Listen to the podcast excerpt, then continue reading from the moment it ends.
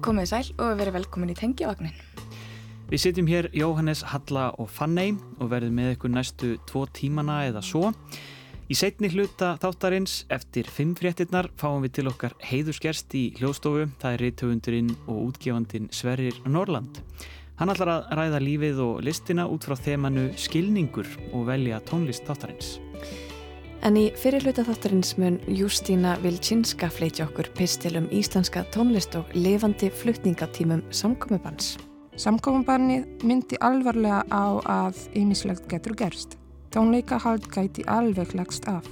Við skreppum heimsókn í háskólan í Reykjavík en þar er unnið að því að þróa rattgerfil og talgreini sem skilja og tala íslensku. Í verkefninu er tekið tillitið þess að tungumáli er mjög levandi og er að breytast og dróskast.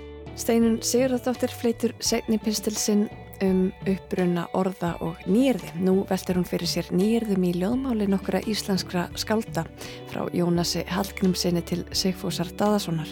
Um leið beinir hún sjónum að ofnótkun valenkunra orða. Meinlegt dæmi um sérstakt indælisorð sem er búið að kæfa með ofnótkun er orðið vegferð. Þórun Greta Siguradóttir, tónskáld og Kolfinna Nikolásdóttir, leikstjóri, segja frá óperu sem þær eru með í vinslu upp úr bókverki Kristínar Eiriksdóttur, Kók. Óperan verður sett upp á óperudögum í Borgarleikhúsinu í haust. Þegar ég las hana fyrst þá þurfti ég sko að leggja hana frá mér eftir nokkra blaðsjur af því það bara, mér fannst þess að ég hafi farið inn í eitthvað líkalegt ástand. En við byrjum á hugleðingum um lifandi tónlistarflutning. Samkominnbæði hafði í för með sér algjörð tónleikabann. Fyrir mér var það fulltkomi tækifæri til að pæla í mikilvægi lífandi tónlistarflutnings. Tónleikar eru ekki bara veisla fyrir eirað. Þær eru líka sjónræn upplífun. Tónlistin vekur tilfinningar og jafnvel gæsa húð. Margra vikna byð eftir lífandi tónlistarflutningi kveikti hjá mér áhugaverðar vangaveltur um nándina sem skapast á tónleikum millir flytjenda tónlistar og hlustenda og hversu mikilvægt hún er. Fyrir nokkrum vikum fekk ég þessar hugmyndir staðfestar á tónleikum árstíða á Kaffa Rosenberg en þær félagar kunna vel að mynda sterk tengsl við áhörfundur. Andrumslofti á tónleikastadnum magnaði upp þessa tengingu. Kaffa Rosenberg er nú tekinn til starfa á nýjum stað eftir nokkra ára hlið og ég vona einlega að framhald verði á flutningi gæða tónlistar í nándinni sem skapast í þessu góða andrúslofti í kjallaranum á Vesturgötu 3. Mark tónlistarfólk hefur spilað á Kaffe Rosenberg í gegnum tíðina. Sangvaskáld, fjóðlegafólk, blúsarar og jazzarar færa á meðal. Meðal annars kom og far fram reynsluboltar eins og Elisa Newman og Laura Rúnars sem báðar hafa gefið út efni á síðustu mánuðum. Mig dreymir um að yngri kynslu tónlistarkvenna fái sömu tækifæri til að flytja inn tónlist fyrir áhæraundur. Tímarnir breytast, en hæfileikaríkar og skapandi tónlistarkonur halda áfram að styrkja íslensku tónlistarsjónuna. Eina feim sem hafa fangað aðhylí mína fyrir heitlandi framkoma á sviði er söngkonan og tónskaldi Salome Katrín Magnúsdóttir. Þeir sem þekkja hljómsveitina Between Mountains ætti að kannast við hana. Hún segist flytja tónlist til heitursheiminum og hafa lengi verið í faðmi tónlistarinnar. Samt er ekki langt síðan Salome Katrín hóf að flytja inn tónlist fyrir almenning. Hún stökk í fyrsta skipti upp á svið í fyrra fyrir framann stóran hóp áhörvenda á tónlistarháttiðinni aldrei í söður. Ég sá hann að spila á Eirvælsháttinni sem var haldinn á Hlemmiskver á sama tíma á Æsland Airways stóð yfir. Ég mætti þrekkar freytt á tónleikana en hún náði á mjög skömmum tíma að peppa alla viðstæða, fara á meðal mig, með glæðlegri framkomu sinni. Salome Katrin kann að skapa tilfinningalega nánt. Andrumslofti var blíðlegt og ljúft eins og farna væru vinir og kuningjar samankomnir. Salome Katrin gaf nýlega út fyrsta lag sitt, Don't Take Me So Seriously, og ætlar að gefa út aðra stöttskifu um miðjan ágúst á samt tónlistarmyndbandi. Bæði lögin eru af EP-plötu Salome Katrinar, Water, sem stept er á að gefa út í haust. Don't take me so seriously Auka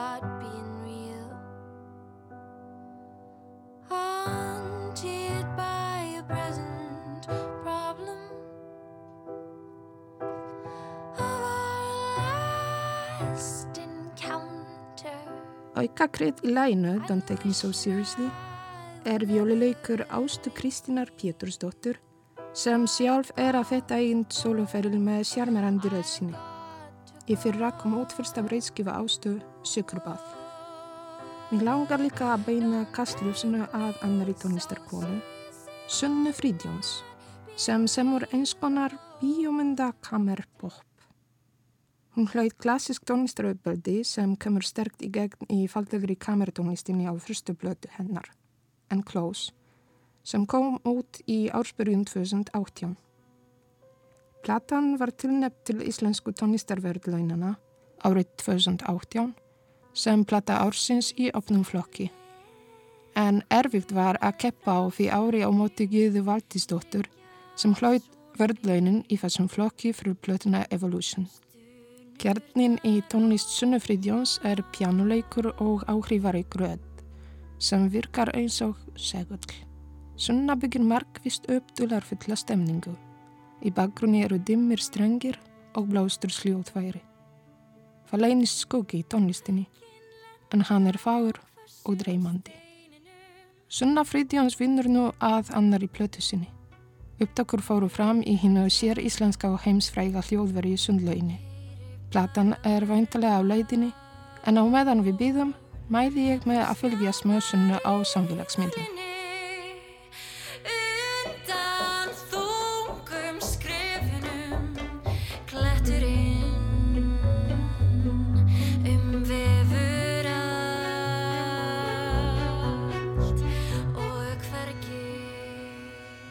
Ég væri ekki svo sem ég er ef ég myndi ekki minna á að íslenska tónlistarsennan samanstendur ekki bara af innfæðu tónlistarfólki. Nokkrar skapandi sálir hafa valið Ísland sem sitt heimaland, af ymsum ástæðum og ástriðum og þær eru meðal feira sem mynda tónlistarlandslægi á Íslandi.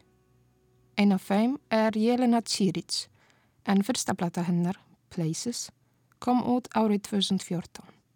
Hún segist sjálf miða að því að tónlistin sé stilhrein með því að leggja áherslu á rödd og texta. Það heyrist átsendningunum og kemur líka vel í ljós á tónleikum, þar sem Jelena segir áheyrendur til sín með hlýri og fallegri rödd. Hún byr að einstakum tónlistarbakrunni þar sem blandast saman jazz, pop og serbnest fjóðlega tónlist. Ég gleymi aldrei tónleikum Jelenu Číric á Kekshostel á Melodika Reykjavík tónlistarháttiðinni í fyrra.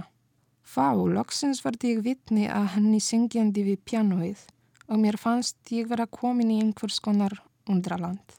Allt frá fyrsta lagi náði hún djúpum tengsl við hlustendur með naturlegum töfrum. Jelena dælir sögum, bæði í gegnum tónlistina og með spjalli milli laga. Snemma á þessu ári fór Jelena í stúdíu. Upptökur í heima hljóðveri Pétursbæn báru árangur og eftir samkomi bani kláraði Jelena upptökur í sundlöginni. Sjálf stjórnaði hún upptökum á samt Alberti Finnbóisinni. Ég forvitnaðist um hvernig gengi með nýja efnið. Að sögni Jelenu er hljóðblöndun og eftirvinnsla í fullum gangi. Jelena deildi því líka að fyrir henni er nýja platan eins og einhvers konar eldspýtustokkur. Hægt er að taka eitt lag úr eins og eldspýturstokki, kveikja og njóta um stund sögu sem er eins og lögin á eldspýtunni. Eitt af lögunum sem verður á nýju plötunni er Other Girls sem kom út sem stótskifa fyrir tveimur árum. I'm not smarter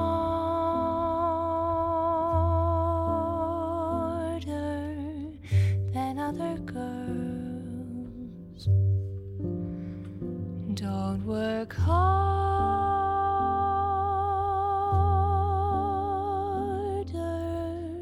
than other girls. Fyrir áhuga sama gefst gott dækifæri til að njóta tónlistar Jeluna á tónleikum í Norræna húsinu 9. ágúst. Far flýtur hún laun sín með Carly James Bestka sem spilar á vjölu og Margréti Arnardóttur harmoníkuleikara en fá leika með henni á plötunni.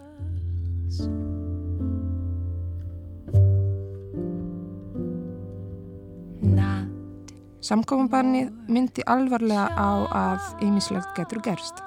Tónleikahald gæti alveg lagst af. Þá myndi versta martröð minn verða að raunveruleika og heyrnin gæti bara yfirgefið mig. En þá trú ég að heyrnar minnið verði til staðar og gladlegra minningar frá tónleikum búi í tónlistardeilt hjarta minns. Veitum fallegri tónlist inn í hjörtu okkar. Tökum fátt í að skapa ógleymanlega fegurdarstund á tónleikum sem við treystum okkur að mæta á. Njóttum þess að skapa tengsl millir okkar og tónlistarfolks á lífandi tónleikum. Leifum listinni að stæka hjörtu okkar. Sagði Jústína Vilčinska en hún fleitir okkur fleiri pisla um tónlist hér í tengivagninum á komandi vikum.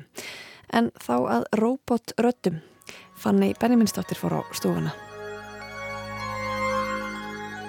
Halló allir, hvað er eiginlega þetta? Halló allir, hvað er eiginlega Halló allir, hvað er eiginlega að frétta? Ég er hér með Jóni Guðnarsinni, dósent við verkfræðilt HR og Ragnæði Þórhalsdóttir, verkefnastjóra hjá Mál- og Rattæknistofnun Háskólans í Reykjavík til þess að ræða máltækni áallun Íslands. En hér er meðal annars fyrir að vinna að íslenskum rattgerðli og talgreini. Getur þú sagt mér aðeins frá verkefninu? Já, verkefnið er unnið að samtökum íslen, um íslenska máltækni, sín, undir stjórn Almanróm sem eru na, samtökum máltækni.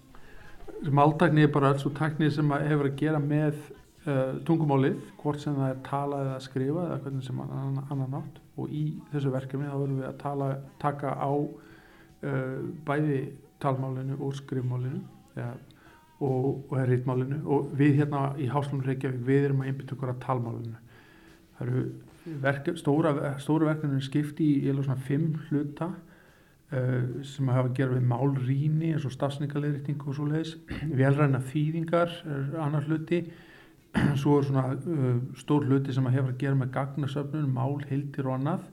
En svo eru við með tvo pakka sem hafa að gera með talgreiningu annars vegar, þegar tölva er að reyna að skilja hvað er verið að segja.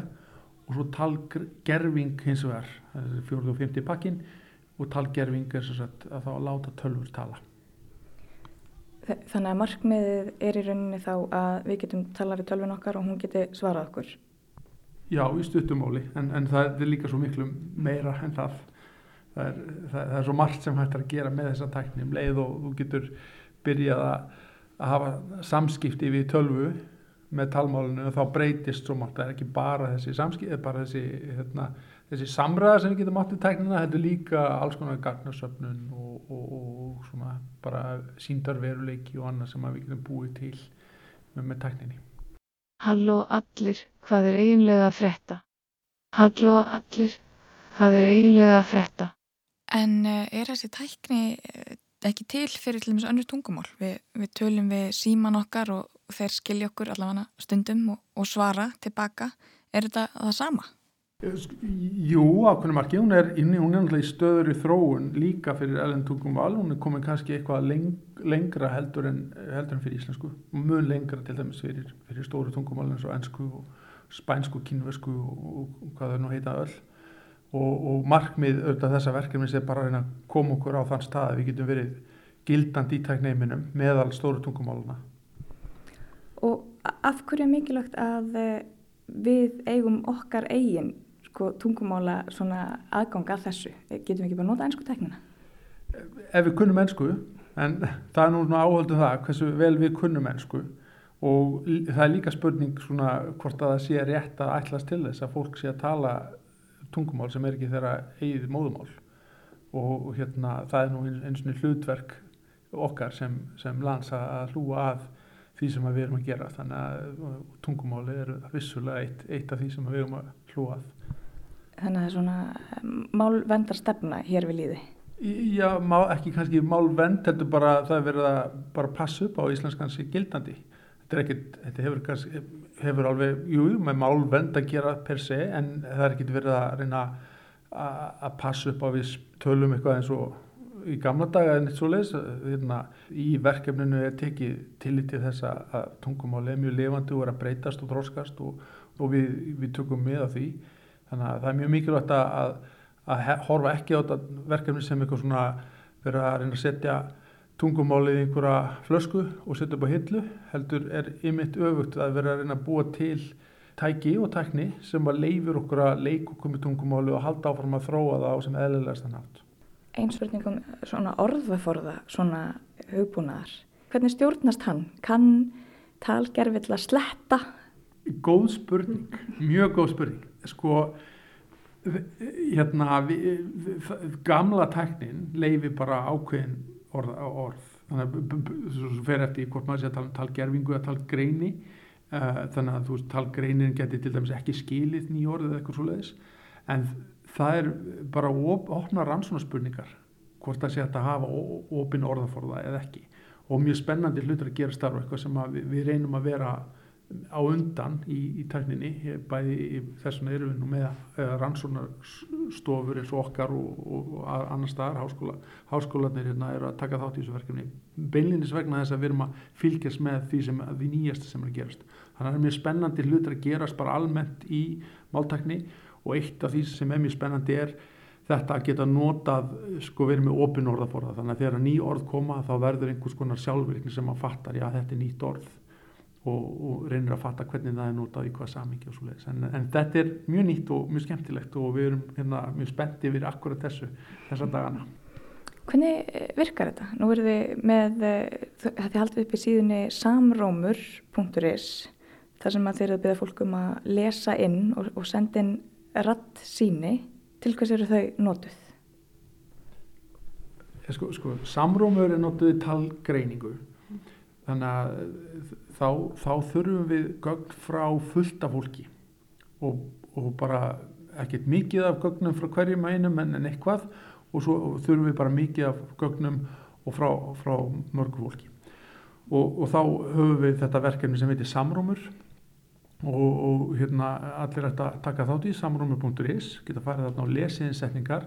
Og svo notum við þessar setningar að við vitum hvað textin er og þá höfum við hljóðupptökuna og getum sem sagt þá látið tölvun að læra hvaða hljóð eiga við hvaða, við hvaða hérna, orð eða, eða stafi.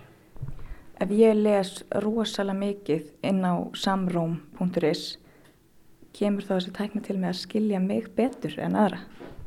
Mögulega, svona, jú, jú, ekki, eða þú ert allavega þá hérna, til í þessum grunni og, og röndin þín vætti vantala að skila sér einhvern veginn inn, já, vissulega. Og hver er það þá sem að talar fyrir hinalliðina? Ef, ef að ég tala við tölvuna og tölvan svara mér, hvernig er ég þá að tala við? Talrúmur. Já, við, við, við erum svo búin að við erum búin að setja, við erum í annar söfnun sem heitir talrúmur kannski Ragnarður getur sagt eitthvað meira frá því Já, þar eru við að safna röddunum sem að þá munum tala við þið það eru átta rattir í heild sem eru teknar upp, það eru fjórar kallmannsrattir og fjórar kvennmannsrattir og það eru hérna við erum búin með fimm og það eru búin að fólk sem er búin að leggja ótrúlega mikið á sig leggja fram 20 hérna, klukkusundra af efni sem að, hérna, er svo notað til að þjálfa talgerfilinn. Og ef ég kæmi hérna og gæfi 20 klukkstundir efni, hvernig myndu þær 20 klukkstundir hljóma? Er ég að segja orð eða er þetta bara hljóð eða hvað er það sem þau eru látin lesa? Þetta er rauninni svipað og samrömmur. Þetta eru þessum stuttarsetningar sem þau lesa upp, oftast já stuttar, sem er búið að velja út frá hérna, því sjónum með að all allir, eða öll, all æ, í, á, öll hljóð þegar til eru tungumálinu koma fram. Þannig ofta er þetta mjög skrítna setningar kannski. Og hvernig velja þetta fólk? Hverjir eru það sem að fá að vera þessi svona stafrana rött?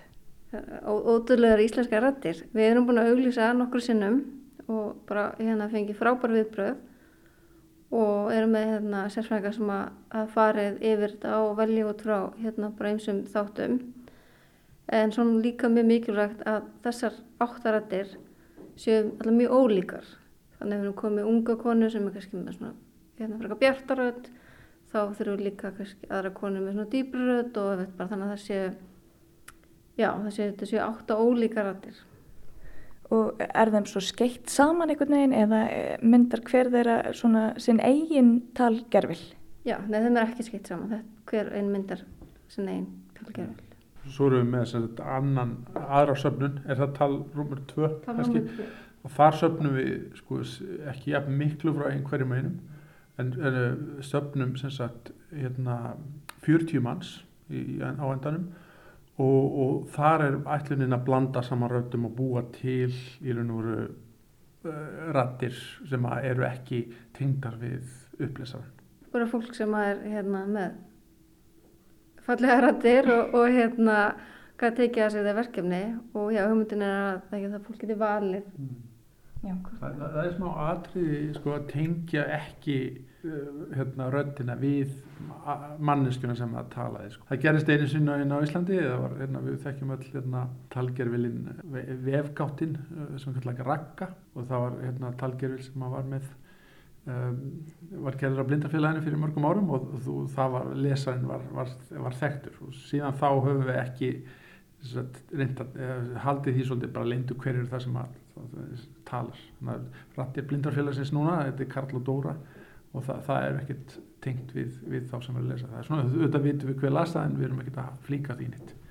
Þannig að þið vilja alls ekki fá þekta einstaklinga í þetta hlutverk? Það, það er ekkert aðtriði sko, en auðvitað getum við það. Við getum auðvitað að við viljum fá Bói Ágússon eða, eða einhverja fræga upplýsara og, og þá getum við þetta búið til rættina þeirra, það er ekkit mál en þá verður það líka ef, ef þú tengir röttina við einstaklingina þá verður það eiginlega meira svona ein, þess einstaklings þannig að þetta, þetta er svona siðferðislega svolítið uh, viðkvæmt Fyrir svolítið, nú dættu mér í hug það hefur svolítið verið talað um svona djúbfalsanir undarfarið. Er þetta svona sama konsept, þessi ratt uppbygging og er verið að nota þar? Já, eh, sko, þetta er bara vissulega, þetta er bara þessi, þessi tekní. Þannig að við, þú við verðum að eins og bara, eh, við verðum að takast á við, við, við þau, þau vandamál sem koma með hérna, það sem er dí, kallað dýpfib eða djúb uh, djúbfalsanir og þetta á ekki bara við um tal eða söng, þetta á líka við um þetta bara hljóð og, eða mynd og, og hérna með myndskeið. Uh, þetta verður þetta uh, hérna eitthvað sem að verður að passa upp á bæði með reglugjörðum og, og bara reglum en líka bara hérna fólk verður að vera meðvitað um hvað er, hvað er hægt að gera með tækninni í framtíðin og annað. Og íslenskan er ekkit undanskilið þar og við munum, við munum aldrei forðast þetta vandamál þó að þú veist, munum, það, það er ekki, held ég ekki góð leið að bara sleppa því að þróa tæknina því að það mun þá endanum bara einhver gera það líka Halló allir, hvað er eiginlega að frétta? Halló allir, hvað er eiginlega að frétta? Nú erum við mörg með eins og ég myndist að það sá hérna áðan svona forrið í símanum okkar sem við getum tala við og, og skilja okkur allavega stundum og, og svara okkur tilbaka uh, Siri og Alexu og hvað þetta allt heitir getum við þá búist við að, að þessi forrið fær að tala íslensku? Það væri skemmtilegt. Það eru þetta ekki undir okkur komið. Þannig að það er undir einhverju stórfyrirtæki komið. Að hvort að það verður einhver ákvörðun tekin einhverju, einhverju skrifstöfu einhverju störfdi heimi að, að, hérna, að um, Siri eða hvað sem er fara að tala íslensku. Þannig að við getum ekki breytt því, við getum ekki haft hérna við getum ekki eh, látið einhvern bara að gera þetta en við getum eins og verið gert allt annað. Við getum látið bæði taknina og gögnin og málfang sem þarf.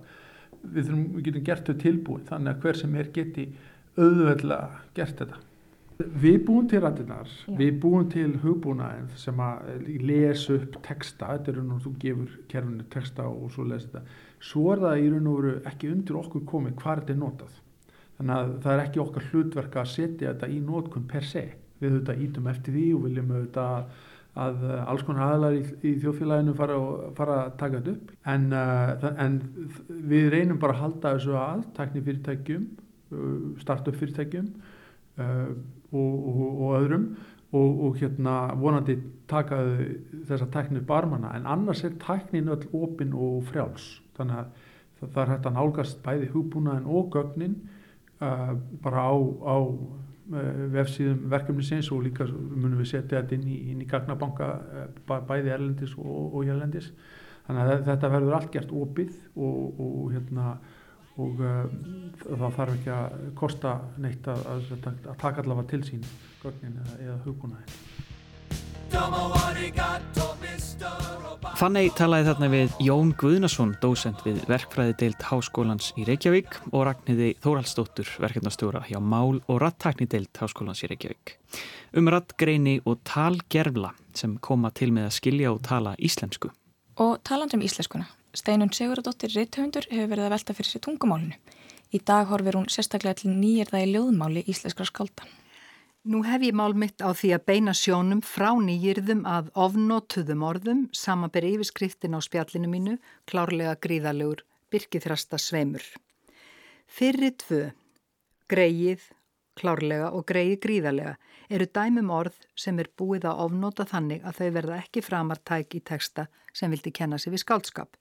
Kanski er orði klárlega, nokkuð sem lægi ekki endilega svo beint við að noti í póesíu, en ljóðlistin fer nú breykandi þannig að það væri aldrei að vita ef ekki væri búið að gera út af við orðið. Ég heyri klárlega gríðarlega stóran hópa af stjórnmálafólki, fjölmilafólki, bara fólki sem tjái sig aldrei ofinberlega án þess að nota orðin klárlegur og gríðarlegur í gríðarlegum erg. Sjálfmyndi ég úr því sem komið er ekki við hafa þessi orðkorki ljóð nýja prósa, ekki einu sinni í töluðu máli, nema sem grín. Sérstaklega sé ég eftir orðinu gríðarlegur sem gatt verið fyrir kannski svona 20 árum vel þegið orð og laun fyndið í einhverju samhengi. Til dæmis minnist ég þess með miklum söknuði úr kunderaþýðingum Freiriks Rapssonar. Ég man að hann náði oft fram sérstaklega fínum komiskum tilþrifum með orðinu gríðarlegur. Nýjasta veður sem ég hafði af gríðarleheitunum var í útvarpinu þar sem orðalagið var gríðarlegu sómi Það var orðin gríðalegu sómi að einhverju sem hlýtur að vera næsta stig við uggvænlegan sóma eða jafnvel ískikilegan. Meinlegt dæmi um sérstakt indælisorð sem er búið að kæfa með ofnótkun er orðið vegferð. Nú hefur allur anskotin snúst upp í vegferð. Ég sé ekki fyrir mér að það orð gæti orðið á minni ljóðrænu vegferð upp frá þessu. Vegferð hefur nú á sér væmin blæ og það er eins og eitthvað ráðgefandi við það. Sá sem notar þetta orð ætla greinilega að hafa eitthvað skonar mildilegt sálusorgara vit fyrir okkur. Þannig að kannski væri ennhægt að nota það í sálm eða í minningagreinum vamlausar vekkferðir. En nú ætla ég að vinda mér yfir í mótvægið við ofnótkun og orðafátækt og halda áfram að skoða uppbyggilega og skapandi ljóð orðasmiði. Af öllum þeim góðu skáldum sem hafa verið mér svo yfirmáta hugleikin í orðaferðinni er enginn sem kemst í hálfkvisti við Jónas sjálfan. Öll hans skrif, hvort sem það eru beinhörð ljóð eða náttúrufræðilegi tekstar um fiska og stjörnur, halda áfram að vera mér til gags og gamans og innblástus, en meira eftir því sem tímin líður og er ég þar í góðum félagskap svo ólíkra stórmeistara eins og Haldur Slagsnes og Sigfúsa Daðasonar. Eitt Jónasar undrið er hulduljóð. Þegar ég fór yfir það enn á ný komu fínirðin fagnandi fangið á mér. Sumum hafði ég glemt og hálf táraðist við endufundina, önnur í fesku minni. Dæmin, dásamlegu, huldu þjóð, spóa rött, dögg, svalur. Þetta síðasta stendur í samhenginu, dögg, svalur, úði, laugar, lokkin, bleika, ljósir af himni, næturmyndir reyka. Sennilega er orðið næturmyndir líka uppfinning Jónasar og ekki af lakara tægi. Örlíti minna romantísk nýjir þeir líka finna í hulduljóðum. Orðið holta þóku væl virðist öruglega vera Jónasar Bur að minnstakosti er elsta dæmið í rítmálsafni Háskóla Íslands um holta þóku væl frá Jónasi komið. Svo eru þau orði Jónasar dásamlega á sínum stað en teldust líklega einnota í góðri merkingu auðvitað. Þar á meðal hinn sæli byrkithrasta sveimur. Ég sé valla fyrir mér að það geti komið að nótum setni skálda, en ef þetta saman súrraða og um leið svo velhefnaða orðir tekið í sundur, þá væri orðið byrkið þröstur, rétt skapað og fullgilt, en alls ekki vænlegt yfir lifandi kvikindi, heldur sér maður fyrir sér spýtuþröst, tálkaðan í byrki. Svo er samsetningin þrastasveimur valla sérlega áleitlegt orð, en um leið og byrkið þrastasveimurinn er komin þá lifnar allt og myndin springur út, tala nú ekki um þegar orðið góða er farið að blika í laufi. Blikar í laufi, byrki þrasta sveimur, þá hellist yfir okkur sumarfegurð og óumræðileg íslensk sveitasólin í æðra veldi fyrir tilstilli aðeins fjögur orða, eða segjum sex, ef við tökum byrki þrasta sveimin í sundur, en talandum einnota, þá eru vegi skapandi endurnýtingar óendanlegir eins og sést á því að Snorri Hjartason kemur með söng þrasta sveim. Orðinans Jónasar hafa sannarlega fangað fleir en mig. Mætti ég benda sérstaklega á grein Guðrúna Kvaran í skýrtni sem heitir Vatnareiðar sporðablík, Málblíðar mæður og speilskengt rapptinnu þög um orðasmíði ljóðum Jónasar Hallgrímssonar. Hún finnur hátt á þriðja hundra nýjirði hvæðum Jónasar og ljóðaþýðingum. Hún tekur til þess hver mörg þeirra hafi lifað áfram, verið nýtt af öðrum og orði hluti orðaforðans sem sé besti vittnesburður um velhefnaða orðarsmýð. Það er mikið umhugsunar efni að hvað miklu leiti Jónas Hallgrímsson hefur verið fyrirmynd okkur sem á eftir honum komu, hvað það varðar að smíða og setja saman ný orð. Fyrirmyndaspörsmálið er tæpast auðvelt rannsóknarefni svo huglægt sem það er. Hins vegar ef við hugsum okkur Íslenskt mál yfir leitt og þá sérstaklega ljóðmál, án tilverknaðar Jónasar er ljóst að við sætum uppi mun snöyðari ekki aðeins að þeim fjölmörg og listilegu orðum sem eru beinlinis hugasmið Jónasar, heldur værum við áræðanlega fátækari að fjölda ljóðmálsorða sem lítu dagsins ljós vegna þess að fyrirmyndin Jónas vísaði veginn. Á þannhátt einnig er ég samferðum ótvírætt uppeldi skildi Jónasar fyrir okkur öll sem á eftir fóru. Á flakkinu mínu um heimatilbúna orðasmíð íslenskra skálda hef ég heitlast enn og aftur af ljóðmálinu í tímanum og vatnin eftir stein steinar. Undursamleg eru nýjirðinans, hvað liti varðar, tálblár, svo eitt dæmi sér tekið, tálblátt regn og kannski nær nýjirðakingi hans hámarki eftir farandi vessi. Sofa vangbláar hálfnætur í þakskeggi mánans, koma mannstjörnur, koma stjartmenn, koma sifjuð vötn. En því ber einnig að halda til haga hver mikilvægt er að nýta þau orð sem fyrir eru því þar er sköpunarkrafturinn líka að taka fágætt orð til handargagns eða taka algengt orð og setja nýtt ljós. Svo heppilega vill til að spekingurinn Þorstein Þorsteinsson hefur rannsakað eitt af mínum uppáhaldsskáldum og skáldvinn sem ég egnaði snemma, Sigfú Staðarsson. Fyrir mér varð ljóðið mynd sálir sem er kingimagnað og orðanótkun sérstaklega aðtiklisverð. Meðal fornra og sjálfséðra orða sem falla eðlilega inn í ljóðið er hitt undursamlega orð far, sumar og annað orð þar væri eftirlætislíf sem kemur fyrir í veraldasögu. Nú veit ég ekki hvort það er rétt sem oft heyrist að Íslendingar og sérstaklega yngri kynnslóðin sé að verða orða fátækt fólk miða við það sem áður var. Samkvæmt minni lauslegu reynslu er það þó æg sjaldnar sem maður heyrir alls konar sniðu orð á borð við þau sem pappi og mamma og þeirra fólk brúkuðu. Ég gerði það på grín að nefna eitt sem ég sakna. Það er rindræpa. Notaðum þann sem lítur ekki sérlega vel út þá stundina heldur eins og rindræpa. Þetta er nú ekki alveg eins sakleysislegt og ætlamætti því ef það væri skrifað út myndið að vera ringd ræpa en til þess að verði ekki svo óhemju grafískur þá skautaði háttvíst sveitafólk með hraði gegnum þessi tvö orð svo úrvarð eitt hinn undirfurðulega og meinlittla rindræpa. En ef það væri nú satt og rétt að það væri að flýsjast svona jamt og þétt utan af íslenska orðnótkunnastappanum þá væri það undarlegt mál og alvarlegt en ég ætti samt erfitt með að ímynda mér að börn og úlingar hafi umturnast svo gjörsamlega frá því síðast vissi að þau séu að hætta að hafa gaman af orðum síðast er ég vissi fundu krakkar og úlingar upp orð og orðtæki í hrönnum og engin endir á þeirra uppfinningasemi. Það er ekki tómt pjatt að reyna að halda við sem stæstum og resustum orðaforða til daglegs brúks. Það er einfallega þannig að klísjan orðir til alls fyrst, hún stennst. Með orðafátakt kemur hugsanafátakt. Það er ekki hægt að orða hugsun sína, tjá sig svo vel sé, nema hægt sé að grípa til sem flestra og fjölbreyttastra orða. Og framhjá því verður ekki komist að hinn klárlega gríðarlega ofnótkun og klifun á einstökum orðum stuðlar að orðafátækt. sem gerir líf okkar reynlega snauðara og leiðinleira með meiru, svo yði að þjöstnast í síbili á sama orðinu, endar með því að pöplinum dettur ekkert skára í hug en klárleg gríðarleheit sem enda eins og dæmi sannar á því ískikilega máli að sjálfur sóminn verður gríðalegur. Málinu er ekki lokið og langt í frá, en ég set nú punkt á eftir ljóðbroti um Jónasar orð. Það er enda sérstaklega til marksum hversu hjartakær og hugleikin Jónas Hallgrímsson hefur verið okkur gegnum tíðina að skáldin hafa kefst við að yrkja um hann og hann er fyrirmynd ungskáldsins Hermanns í skáldanótt Hallgríms Helgasonar. Hér að lokum niðurlægið á ljóði Hallgríms um Jónas, orti orðastaf Hermanns skálds.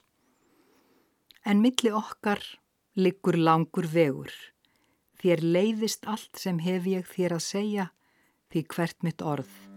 Það komið er frá þér. Sæði Steinun Sigurðardóttir. Þetta var setni pistill hennar um uppruna orða og nýjirði. Og við höldum áfram á ljóðabrautinni því ljóðabækur geta líka orðið óperur.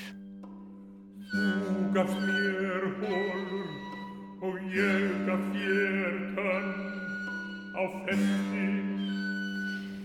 Kók Kristínar Eiríksdóttur kom út árið 2014 og um, vakti mikla aðtegli. Ljóðabók um, með myndlýsingum hennar eigin og nú er á döfinni ópera upp á þessari sömu bók og hér sitja tveir aðstandendur óperunar. Það er Kolfinna Nikolásdóttir, leikstjóri og Þórun Greta Sigurðardóttir, tónskald. Velkomnar. Takk fyrir. Takk. Kanski til að byrja með, Þórun, hvers vegna ópera? Ég verða viðkynna, ég er ekki, sko ég get ekki sagt að ég sé beinlinis óperu sérfræðingur. Ég er ekki sérfræðingur í ítölskóperunni eða sem sagt svona hérna, endilega, mér finnst þetta náttúrulega frábært tónlist og, og, og frábært allt saman en, en hérna, ber, ber djúpa virðingu fyrir þessu en ég er engin sérfræðingu þar ég hef eh, mjög mikinn áhuga á svona kannski óhefbundu leikus eða svona, já uh, og svo bara svona uh, tónleikusi eins og ég kýsa kalla það, það er hérna og skoða þetta svolítið mikið í mastersnáminu mínu þetta svona samtíma tónleikus, uh, leikusgjörningar tengdir tónlist og tónverkum og mörg af mínu verkum hafa verið svona á gjörningasviðinu mhm. einhvern veginn.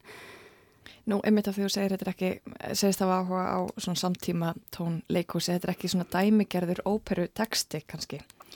Nei, þetta er samt sem áður sko, eða sem sagt þessi teksti ef ég feg bara út í tengingum mína við þetta verk sko að ég hef alltaf hérna sótt mjög í að fara á svona rítöfunda upplestra á, á aðvendunni mm -hmm. og ég bjó á Östurlandi á þessum tíma á Eskifjörði og, og hérna e, rítöfundalestin var á, á ferðinni þarna og ég var akkurat að leita að texta fyrir tónverk sem var búið að panta af mér fyrir listaháttið 2015 þannig að ég var mjög með eirun opinn fyrir einhvern svona texta. Eh, ég heyri Kristínu lesa upp úr verkinu og ég hugsaði bara eh, hann bara fór ekki frá mér. Ég bara, það er svo mikill ritmi í þessu og það er náttúrulega svo mikill drama í þessu mm -hmm. líka að hérna ég átti rosalega erfitt einmitt með að, að velja inn í svona smáttverk þannig að hugmyndin að gera eitthvað stærra við þetta heldaverki, hún kveiknaði eiginlega strax. Bara við að hlusta á Kristínu Eiristóttir flytja texta, hún er náttúrulega ótrúlegur performer í upplæstri. Já, það, það er náttúrulega, eh, spilar alveg, alveg inn í líka og hún er alveg magnað að lesa það sjálf. Akkurat. Veggirnir sjást ekki fyrir miniatúrum og gleri, gólfinn sjást ekki fyrir miniatúrum og gleri, loftinn sjást ekki fyrir miniatúrum og gleri. Andardráttur er hreyfing, varaðu þig. Ögnaráð er hreyfing, varaðu þig. Hugsanir eru hreyfing, varaðu þig. Og mínjatúrarnir sprungu og kerfið bilaði og hreyfingarna brotna og þessuna bráðir. Og hreyfingarna brotna og þessuna bráðir. Og hreyfingarna brotna og þessuna bráðir. Og hreyfingarna brotna og þessuna bráðir. Kolfinna, hvernig blessar þetta við þér eh, sem leikstjóri verksins? Sko við hefum náttúrulega unnið áður saman ég og Stína og Þórun stuttu áður bara en við ákveðum að vinna aftur saman. Við vorum að gera hana fákafinn hérna fyrir útvarpsleikúsið. Ég leikst þér í því og, og Stína skrifaði verkið og Þórun Greta gerði í rauninni tónverkið við það. Og það var svo gott samstarf og endaði með grímu stittu og hillu. og þá bara einhvern veginn lábænast við að ég myndi taka þegar að Þórun fekk þessi hugmynd að gera óperu eða á, þú veist, vildi taka það lengra frá því hérna á listáti hvað 2015 Já. þegar að Og þá var eitthvað svona stittri útgafa af þessu verki sett upp. Já. Já. Eða, eða það, það var í rauninni fyrsta skrefi bara. Já, ég setti saman sem sagt, eitthvað cirka 13 mínum tónverk fyrir fyrirlu, hörpu og þá bassasöngara. Mhm. Hérna, Kristinn Simundsson fluttið þetta Laufi Sigurðardóttir fyrirla og Elisabeth Vóge og hörpu. Upprunnilega er þetta bara 13 mínum tónverk. Mhm. Og, en, en þessi hugmynd fór aldrei burtu einhvern veginn að gera eitthvað stærra og svo einmitt hann í kjölfarið af, af hérna, vinnunni í útvarsleikusinu þá förum við að leggja á ráðin sko. Mhm. Sem var þá, svo vinna hefur þá verið eftir. Það var eftir, eftir það var 2017 Já. og þá, þá byrjum við að hérna, pæla í þessu. pæla í þessu. Já, fyrir mér, eða þú veist, mér finnst þetta líka, þessi bók bara hitta mig sem þ- þrívítar verk, eða sko sem bara sviðsverk og þetta er rosalega svona performatíft og eins og þú segir, það er rosa, það er svona rithmi í þessu og þetta er mjög svona fullkomið einhvern veginn fyrir, fyrir svið, sko. Getur þú útskýrt aðeins fyrir þeim hlustundum sem að, sem að þekka ekki bókinni eða, eða muni ekki alveg eftir henni? Hva, hvernig, eh, já bara kannski líst bókinni svolítið fyrir okkur? Já, sko, hún, þetta er myndlistaverk og, og mjög svona abstrakt ljóð eða rítverk einhvern veginn og þetta fer frá hvernig var að lýsa get Það er lesið. Það er engum atbyrði líst í rauninni. Þetta er eins og ástand. Já, þetta er ástand, einmitt. Það er, og maður, það, þetta skilur svo mikið eftir og maður, maður veit samt alveg hvað er að gerast. Já, Þetta maður er- þarf að fara inn á okkur svona annað svona skinjunar level, þú veist, þetta er ekki hérna frásagnar, einhver klassísku frásagnar háttur, línuleg frásögn, þetta er meira eins og þú stígur inn í einhverju tilfinningar eða ástand og, og hérna og það er rosa erfitt einhvern veginn að fara að útskýra það með orðum af hverju þetta er performatíft eða á hvernig rithmin er af því þetta, sem verk er svo mikil heild þetta er svo, og þetta er eins og ég veit ekki að fara, fara í rifirafting eða eitthvað þú, hérna, það er hæðir og læðir og Já, einmitt, ég man ég upplöði þegar ég lesa þessa bók fyrst að um, ég sá hana fyrst í bókabúð og svona gluggaði í henn og svo bara, neða, ok, þetta er ekki bók sem hægt er að glugga í, þú þarf bara að gefa þið tíma til þess að svolítið svona sigla, einmitt, eins og þú segir, sigla í gegnum hana á hennar, um, á hennar tíma einhvern veginn, eða gefa þér tíma til að lesa hana. ég, þegar ég las hana fyrst þá þurfti ég sko að leggja hana frá mér eftir nokkra blaðsjur af því það bara ma, mér fannst þess að ég hafði farið inn í eitthvað líkalegt ástand við að bara að lesa þetta, ég þurfti að stoppa, býða, anda, fara frá og koma aftur og það tók mig alveg þú veist, nokkra klukkutíma að lesa hana fyrst, sko, og mér finnst ég ofta ekki geta að lesa hana í heilsinni, þetta er mjög, þetta er svolítið svona þungt, þetta er Erf, eða sem sagt, þetta er, já, þetta eru erfiðar tilfinningar náttúrulega. Já, og þetta er ekki um, þetta er hérna umfjöllunar efnið er ekki létt, þú veist, þetta er ekki ykkur Jú, svo samt er þetta ástarljóð, þú veist, samt er Já, já. þú veist, þetta er svona djúft hérna, en þetta er líka, þetta er ofbeldi og svona einhvern veginn Þetta er samband og þetta er ofbeldi. Já, og þetta er sambandsleysi og eitthvað róf, þetta er svo, Mhm. mér finnst það kannski vera svolítið gott orð, það er Já. mikið rófaðna og svona tilfinningarleysi að finna ekki fyrir en samt vita að eitthvað er á skjön eða eitthvað er kannski beinleys rámt. Og einhvern veginn hver er aðdragandin að því að springa, sko, garga, að, hvað gerist, að, það, það er samt, það er engum atbyrði líst mm -hmm.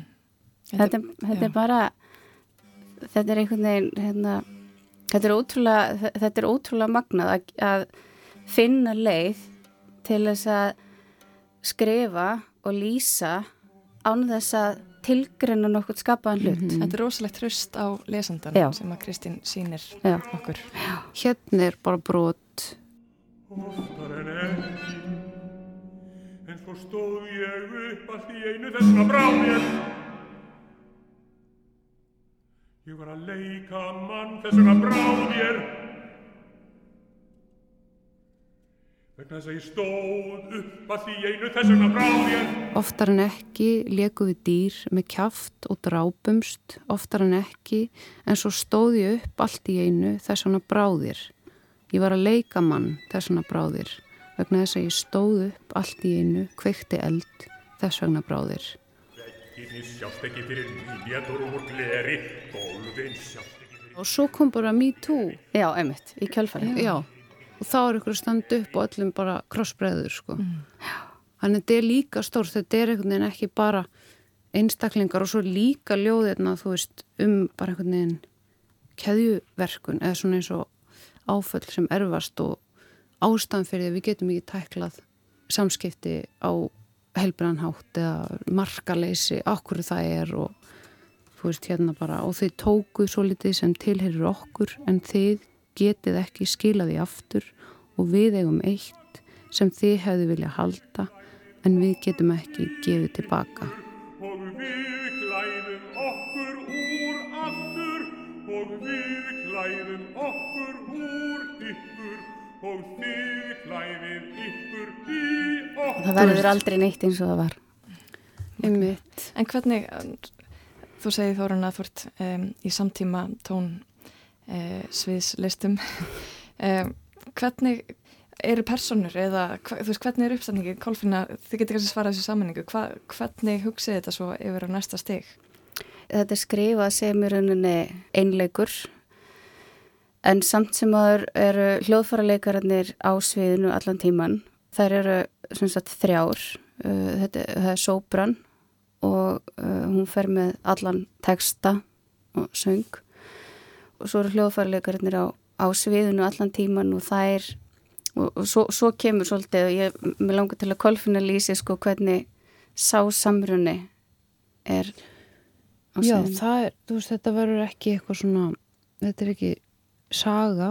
Við verðum allavega hlýðhóllar bókinni en umgjörðin allt heila þú veist, það er alveg stórt. Við vissu það strax að þurft að vera ekkur svona myndlist. Út af líka bókin er, er svo myndræn. Það verður vídeohöfundur og við að vinna með vörpun og, og já og svo bara með hvernig þetta verður sett fram það eru bara einhvern veginn hugmyndir sem að ég og við erum búin að vera með í maganum og í bígerð bara í svolítinn tíma og erum að vinna núna svona grunnvinnuna með hérna, hún er hérna Larið Fatahennur, heitir Steinunni og, og það eru hugmyndir með að gera stóran kjól sem einhvern veginn blæðir yfir allt og já, vinna með það form, kjólin hvenlegar skýrskotanir gegnum kjólin en svo líka fer, það er eitt leir eða þannig eitt lag og svo annar lag veri vídjóið og kannski vinna með eitthvað svona grísjur fremst eins og er oft gert og þannig að var til að skapa eitthvað svona dýft og mitt verkefni núna kannski að í, í samtöfu framsetningu er að ná eitthvað svona físísku ferðarlægi með söngkonunni og líka þeim að gera tilrunir með það að, líkamna bókina með þessum flytjandum og efni sem við höfum og ætlum að vinna með og að gera þetta kannski ég vil náttúrulega alls ekki nota orðið aðgengilegt en kannski það, reyna að opna árendan að þetta er svo, er svo vön línulegri frásögn og er svo vön sögunni og hérna og þetta er svona skref í rauninni átt frá henni, frá sögunni og, mm. og hérna að fara inn í rými það sem er verk presenterað og þú náir að hérna ekki kannski endilega skilja en að skinja. Mitt áhugart skulle segja að þú vilja alls ekki gera þetta aðgengilegt það er rosa mikið rætt um aðgengileika en þú ætti kannski við þá bara í bara efniviðurinn þarf að, þarf að vera eitthvað skonar bæði tólkunar möguleikar þá hjá áhorfandanum og, og kannski líka þetta róf sem þú talaður um áðan að það sé mikilvægur hluti verksins að, að við skinnum það á einhvern nátt eða hvað? Jú, algjörlega. Það er það sem ég langar mest. Það er að árandin geti fengið þessa tilfinningu sem ég fekk við að lesa bókina að, að það sé hægt að einhvern veginn yfirfæra það mm -hmm. á mhm. sviðið. Já, án þess að sé eitthvað verið að vísi um eitthvað fabulera um það nákvæmlega hverju er verið að lýsa eða eitthvað svolítið að, að því það þarf ekki. Eða við erum alveg sammálu um það það þarf ekki. Bara færa þetta yfir í nýjan miðl og það, þetta er bara við, við viljum bara búa til þetta ástand. Á, en, en þetta er Sóbrann sem að flytja verkið núna. Í fyrsta lagi hver flytur? Hanna Dóra Sturldóttir og þetta flytjar að vera svolítið mikil breyting frá Kristni Sigmundssoni Já, þessi stóri maður ég held að hann sé sko tvöfalt ég á hæð sko, hvernig hann hvernig þetta byrtist í hans meðförum það var alveg alveg magna, það var af einhverjum öðrum heimi sko. Mm -hmm. og miniatúrati stróðu og kerfið bilaði og hreyfingarnar brotna á þessuna bráðir en hins vegar voru vel við sammála um að, að það vinna með heildaverkið að þá, þá hefðu við konur í öllum hlutverkum. Mm -hmm. og konur á bara mjög þraungu aldurspili okay. líka, vorum það, það var líka Hvaða aldrei spilir það?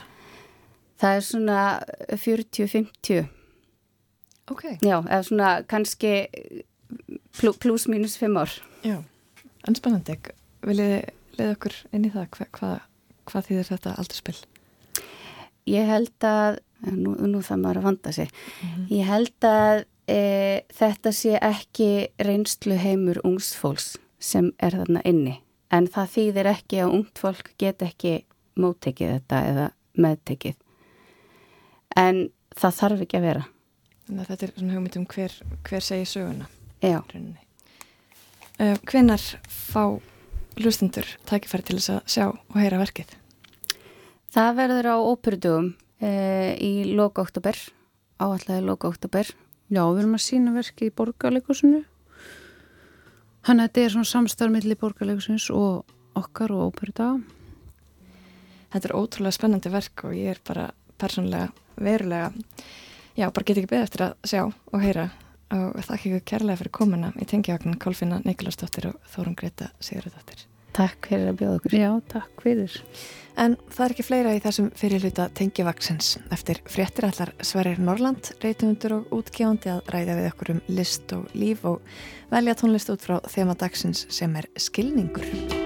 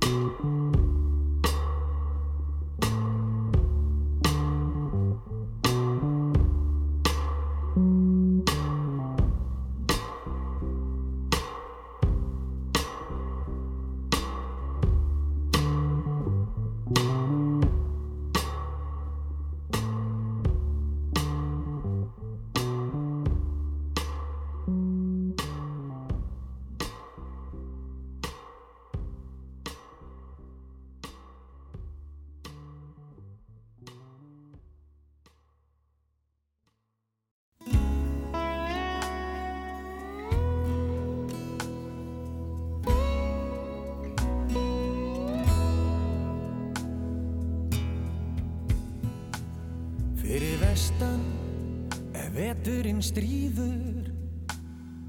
Vokir yfir byggð Tíminn líður. Með sólvana daga Daburlegan róm.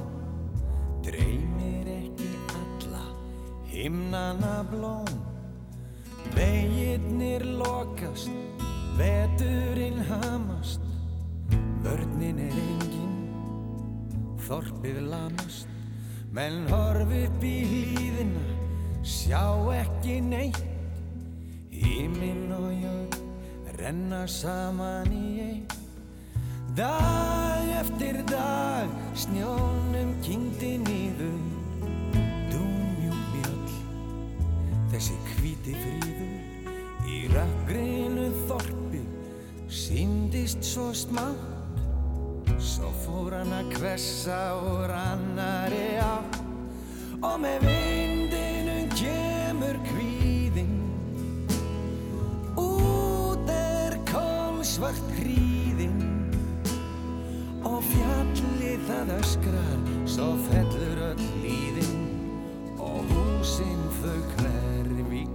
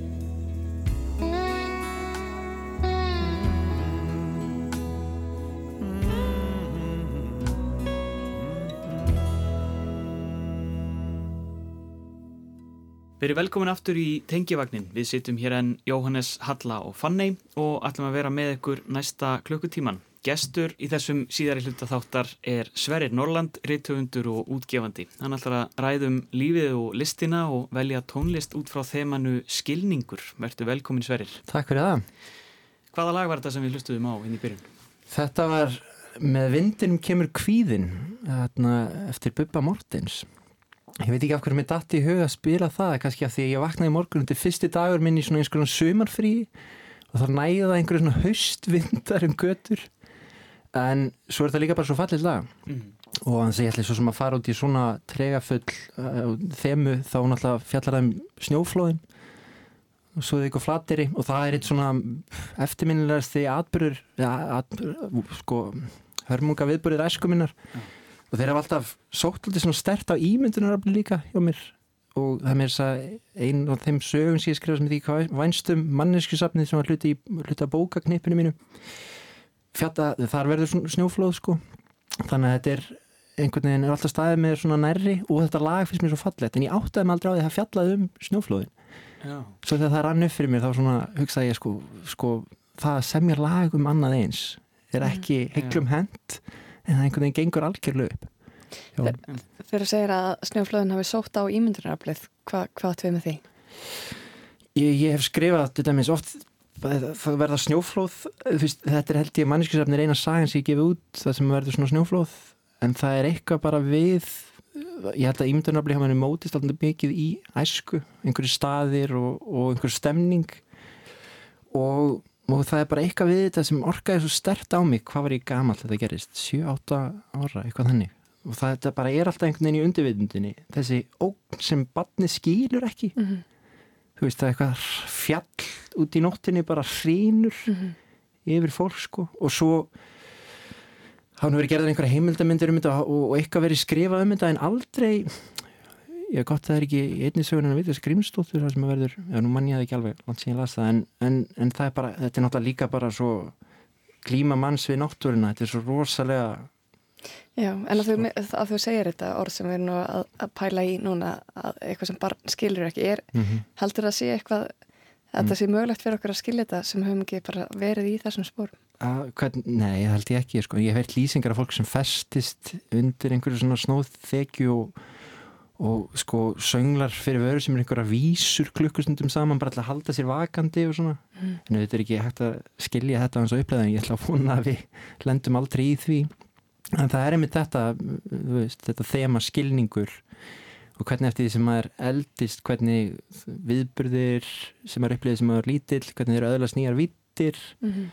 hvernig sögur breytast, hvernig maður nálgast hlutina kannski nálgast skálskap líka algjörlega og líka eitthvað sem svona situr maður í undirvitundinu einhvern veginn og er svona einhvern veginn elsneiti ímyndunarlapsins hvernig maður kannski alltaf að nálga sömur hlutin en alltaf frá alveg nýju sjónarhóttni skilur þú veist, þú er 21 og þú veist ekki neitt en þú hefur einhverja sköpna þrá svo er það 30 eitthvað og þá er kannski, þú veist, komið börn og eitthvað svona, svo verður alltaf eldri og þetta er alltaf að hugsa það sama frá nýjum vinkli mm -hmm.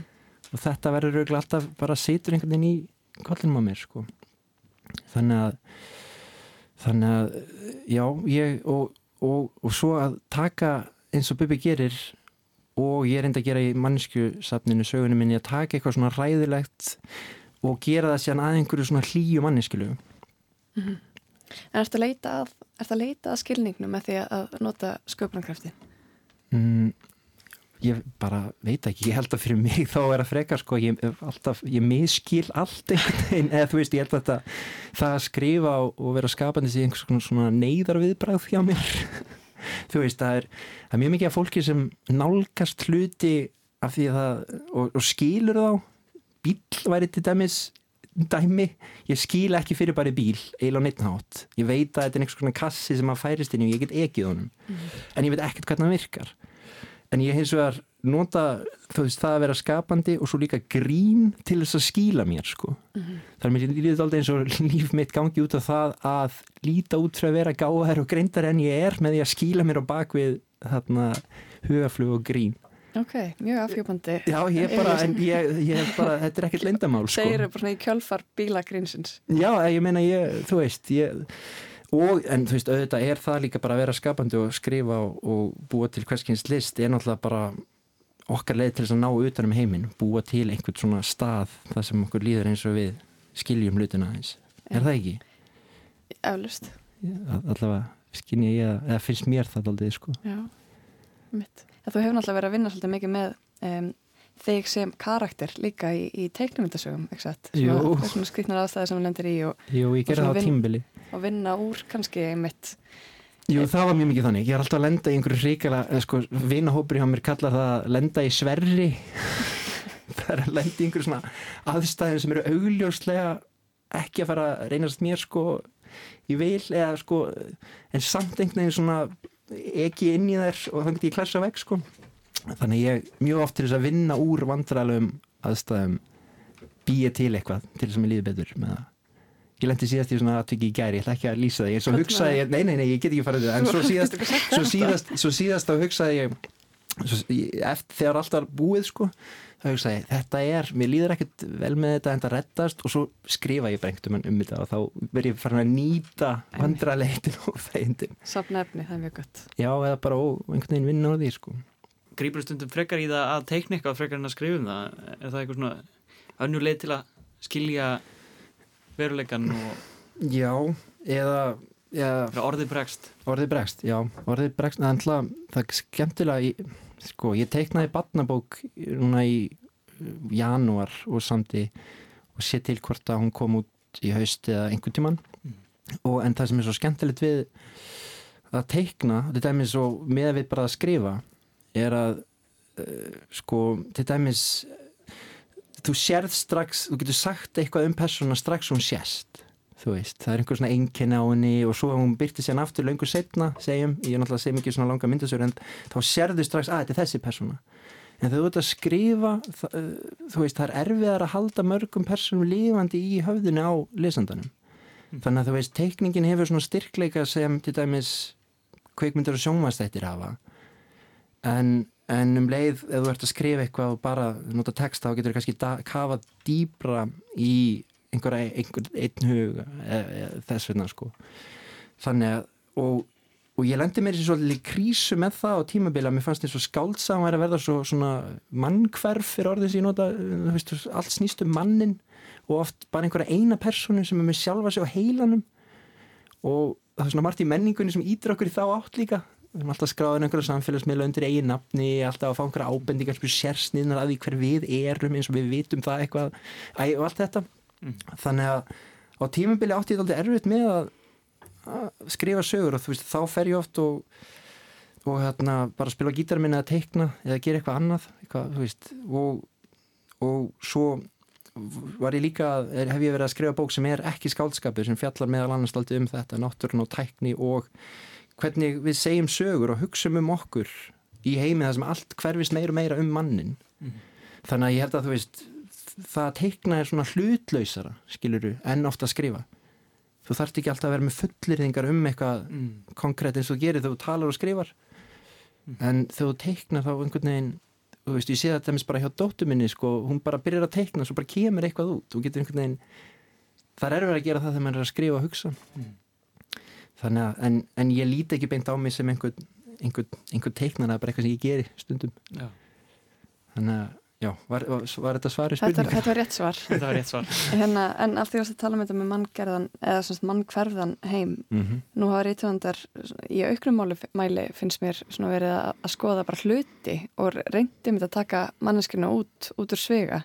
Hef, er það eitthvað sem þú hefur, haft, hefur áhuga á mm, svona yeah. bara að skrifa um já, í rauninu bara rannsaka mm -hmm. e, brottkvarf mannsins?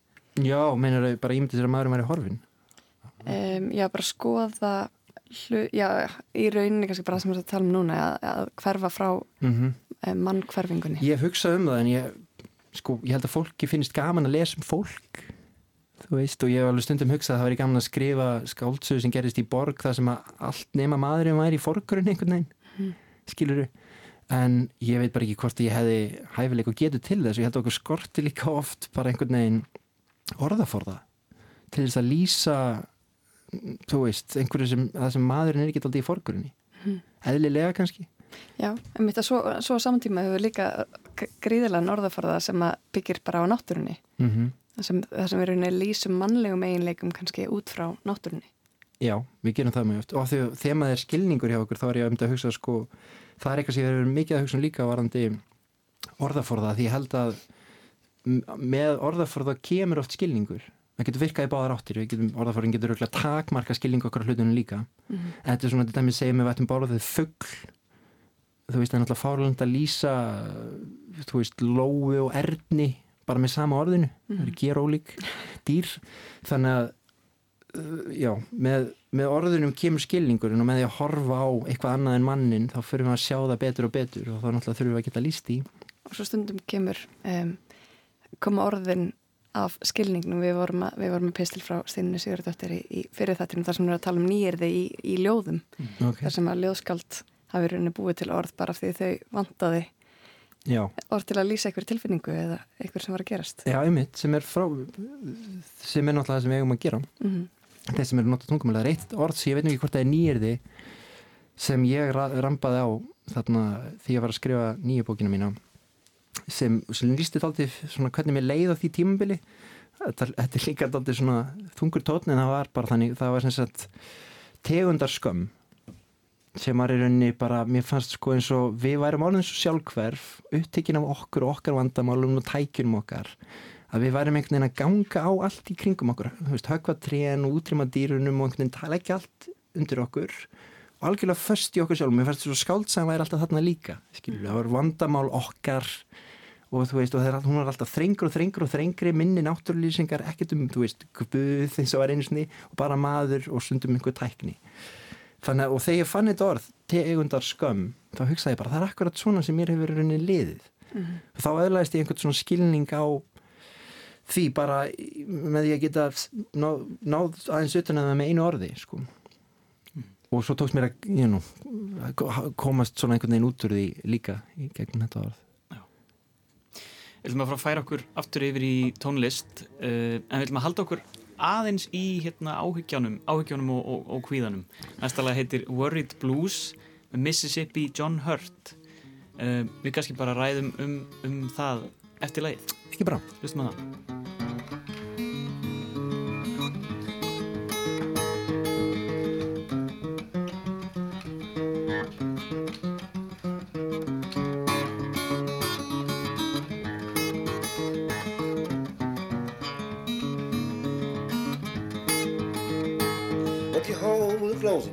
Pack up and leave. Home looks so lonesome. Don't your home look lonesome when you in bed, pack up and leave.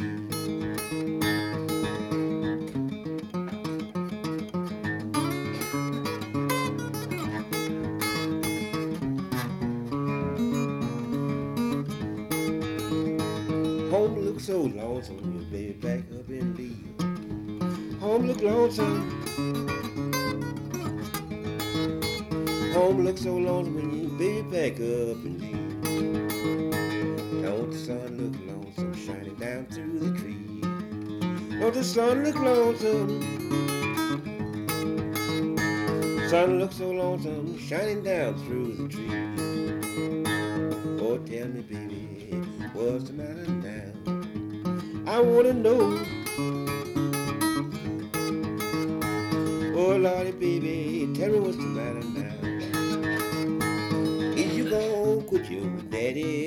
Is you gonna quit your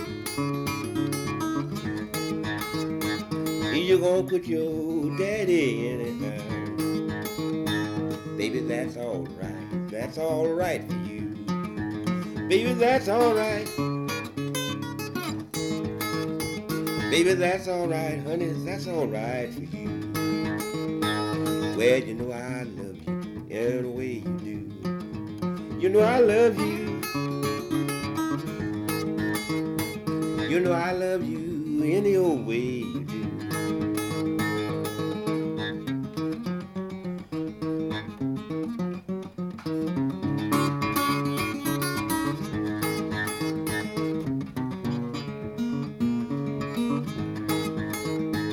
I wanna know what's the matter. Something going on oh, wrong. Tell me what's the matter, baby. Went away last night and stayed out all. That's alright. That's alright for you. Baby, that's alright. I love you, baby, any old way.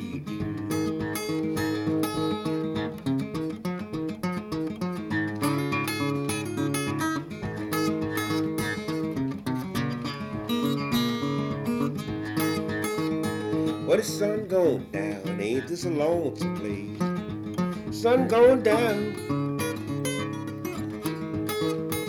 Sun going mm-hmm. down, ain't this a lonesome place? I feel so lonely, can't see my baby's face.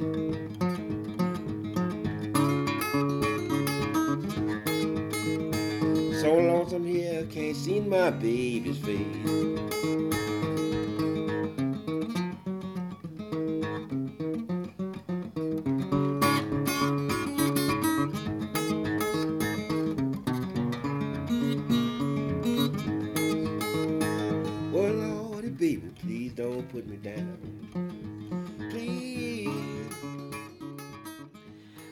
Worried Blues, það var tónlistamæðurinn Mississippi John Hurt sem söng. Við sittum hérna ennþá með Sverri Norrland og við erum að ræða um skilning. Sverrir, hver er Mississippi John Hurt? Hann var nú bara bandarískur blúsari og gítarleikari eins og við heyrðum sem ég svo sem hef ekkert kynnt mér æfiskið hans eitthvað mjög nákvæmlega en hann bara alltaf því ég hlusta á hann spila og hittir hann mig, hæfir hann mig beint í hjartastað mm. hann spila svolítið svona gítar eins og ég væri til ég að geta sjálfur eitthvað svona ótrúlega áreinslu lust og svo einhvern veginn hvernig hann syngur þetta er svo, og mér finnst svona í tónlist aldrei að vera, bara einhver svona sem grýpur ljóðfærið og bara eitthvað svona og mm. viðst, engar, engar stellingar einhvern veginn Já. þannig að einhvern veginn bara skaut nafni hans upp í kvallin á mér þegar ég var að velja tónlist og mér langaði að hýra lag með hún Þú líka dvalið í bandaríkjörnum þú bjóst í New York, hvað það ekki? Jú, fimm ár, Já. cirka Hvað varst að gera í New York? Ég var eiginlega bara að lepja dauðan úr skell, nei, nei, ég var bara þarna, já það hófst nú þannig að, sagt, konunum minni var búið starfi í listasafniðar og við fórum á það, svo var ég bara að, sagt, skrifa og þýða og gera allskynnsverkefni mm.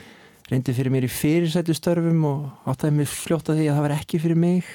Mm og hérna en, en það var ég skrifaði nokkra bækur þar og bara og ég tek fram að ég er fegin að búa ekki þar lengur Já.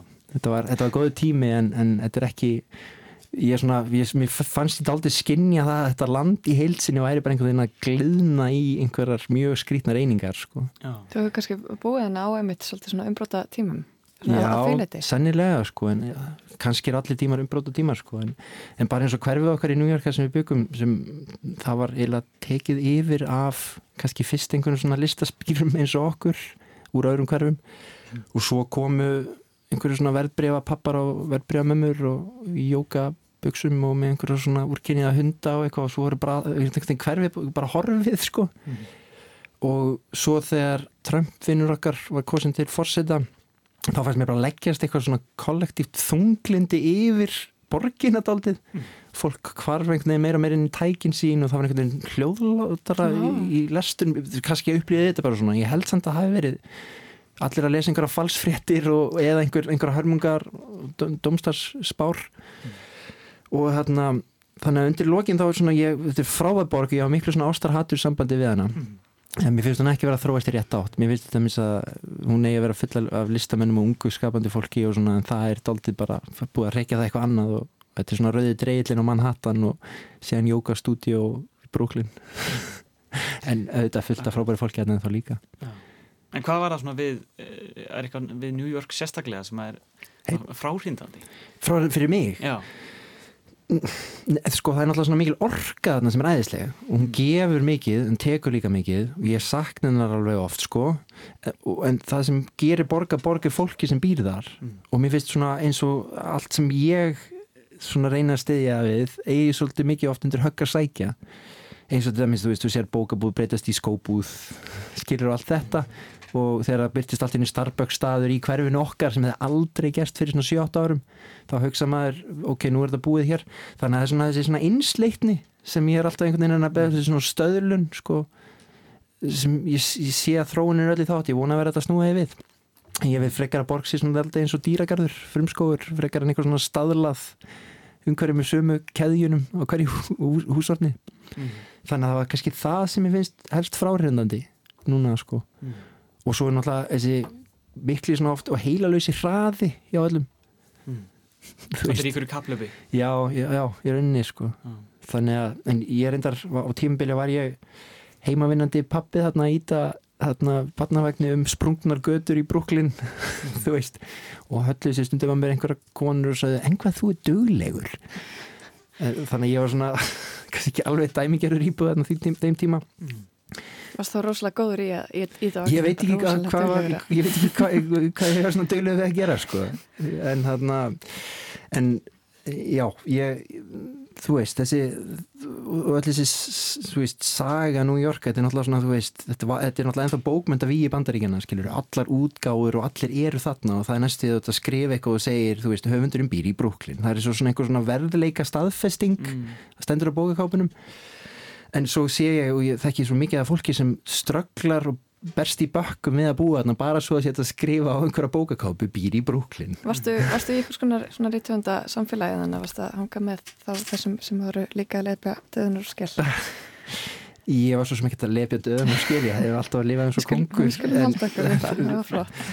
Ég maður þarf kannski ekki meira en einhvern kaffibólla og ekki að lifa eins og kongur En jú, ég, alveg, þú veist, svo sem einhver, einhverjar, einhverjar bókmyndalega stórstjörnur, sko En ég þekki ímsa sem, þú veist, flytist til New York, eiga sér einhverja drauma um að vera einhverju rítöfundar og ná að byrta eitthvað smá en svo, svona einhvern veginn gera þær einhver svona málamillanir og svo er þeir alltaf bara að fara að vinna fyrir eitthvað fyrirtæki sem framleiðir eitthvað efnið sem byrtist og googlar eitthvað á netinu og svo svona færast þér fjær og fjær drömnum mm. En þá er kannski bara betra að búa í minni borg eða annar stað Akkurat, ég, það er sem ég er að spá sko, hvað hva, hva fælst í því að búa í Brooklyn?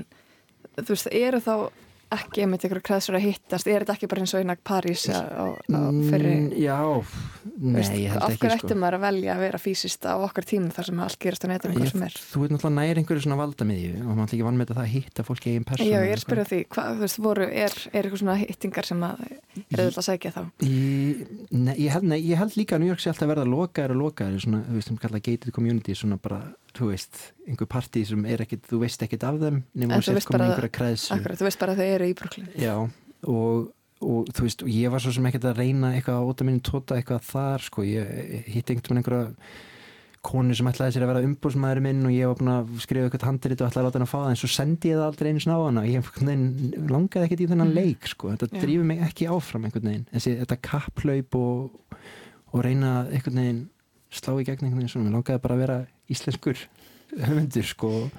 þannig að, þannig að ég, ég veit það ekki sko. ég hef ekki þennan drivkraft þennan ég ætla ekki að kalla hann yfirbórskendana því hann er það í rauninni ekkert, fólk hefur eitthvað sem er að berjast fyrir og þarf að koma sínum sína árvel fyrir borð Já, en það var kannski allt annar heimur sem blasir við höfundum í, í bandaríkjunum heldur en á Íslandi Já, þetta er daldið öðruvísi það er náttúrulega Ísland geti komist fyrir í einhverjum nokkrum svona félagsblokkum einhvers staðar í Brooklyn eða Queens sko.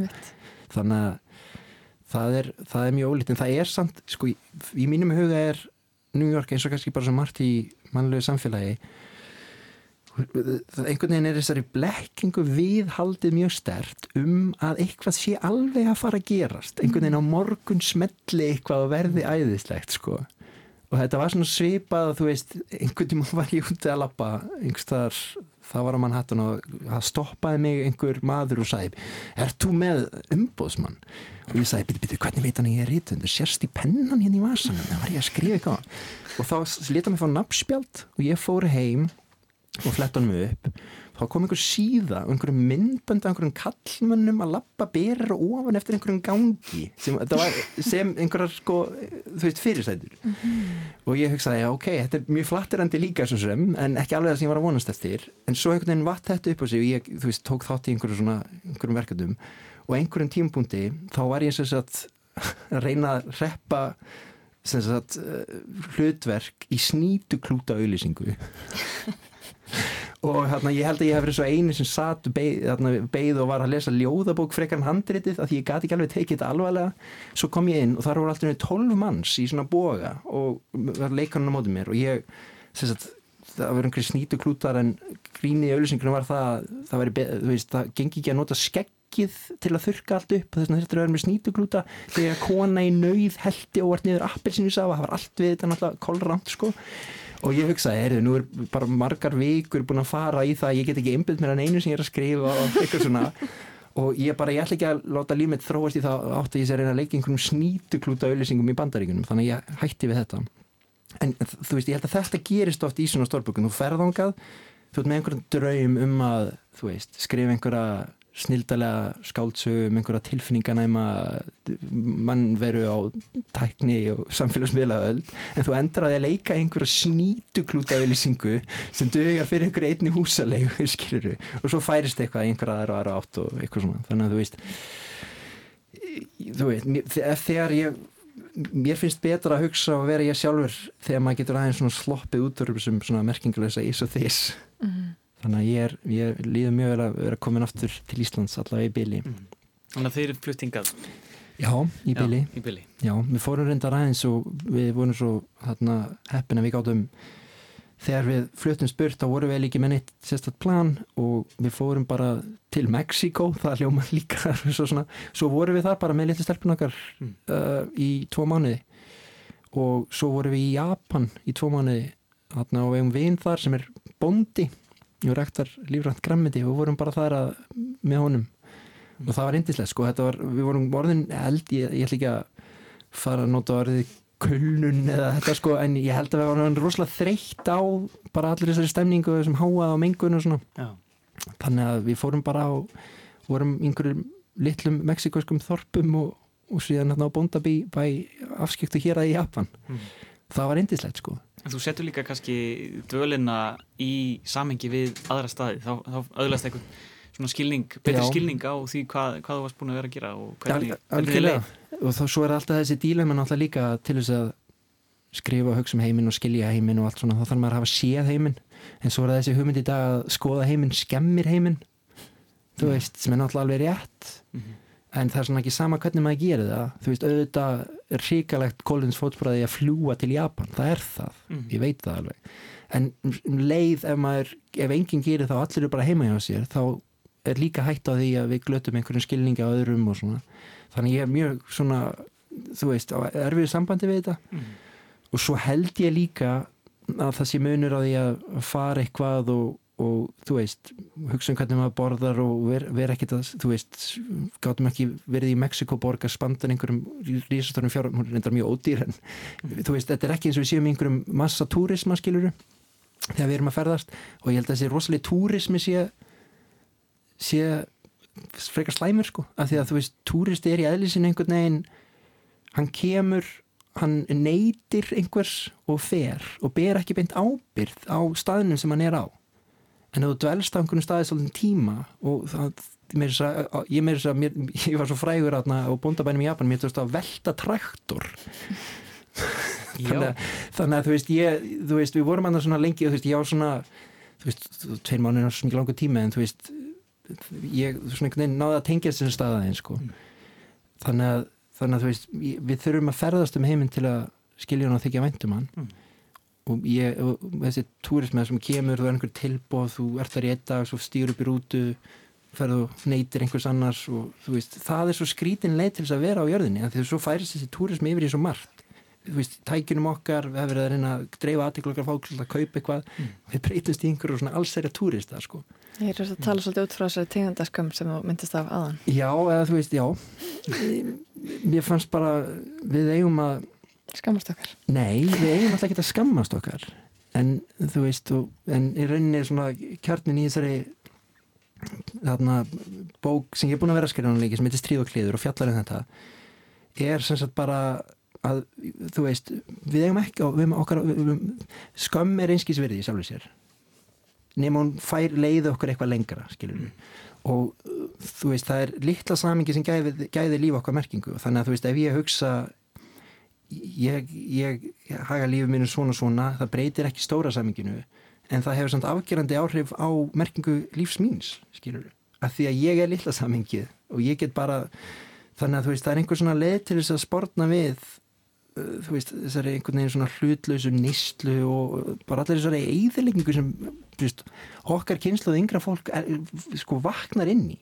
Veist, bara á sístu 30-40 árum hafa gerst træðilegri hlutir hvað þetta snertir en á veist, 300 árum þar á undan og það er rosalega þungur tilfinningalegur baggi fyrir ungt fólk held ég að róast með inn í framtíðina. Mm.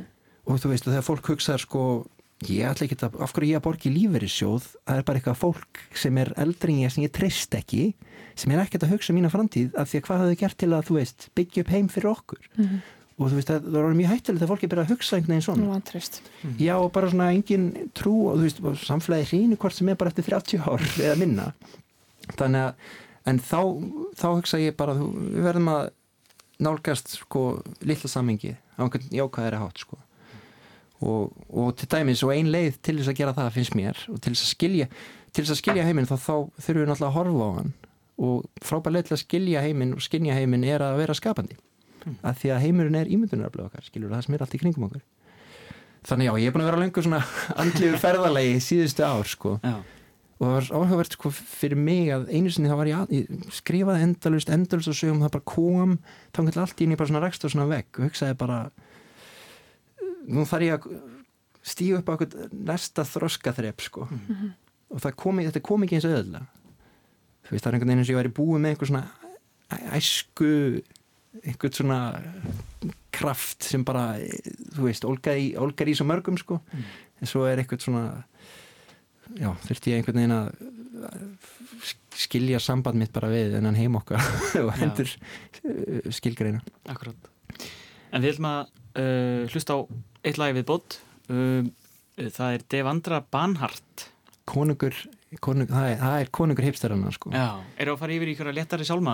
Já, þetta er þetta er aldrei, þetta er bara eitthvað lag sem sko ég, ég, ég er bara að fíla hann mjög mikið. Ég veit ekki henni það bara, ég veit ekki hversu vel fólk þekkir hann sko, hann er svona hann er svona takmarkaður tónlistarlega en ótrúlega flinkur að semja grípandi laglínur.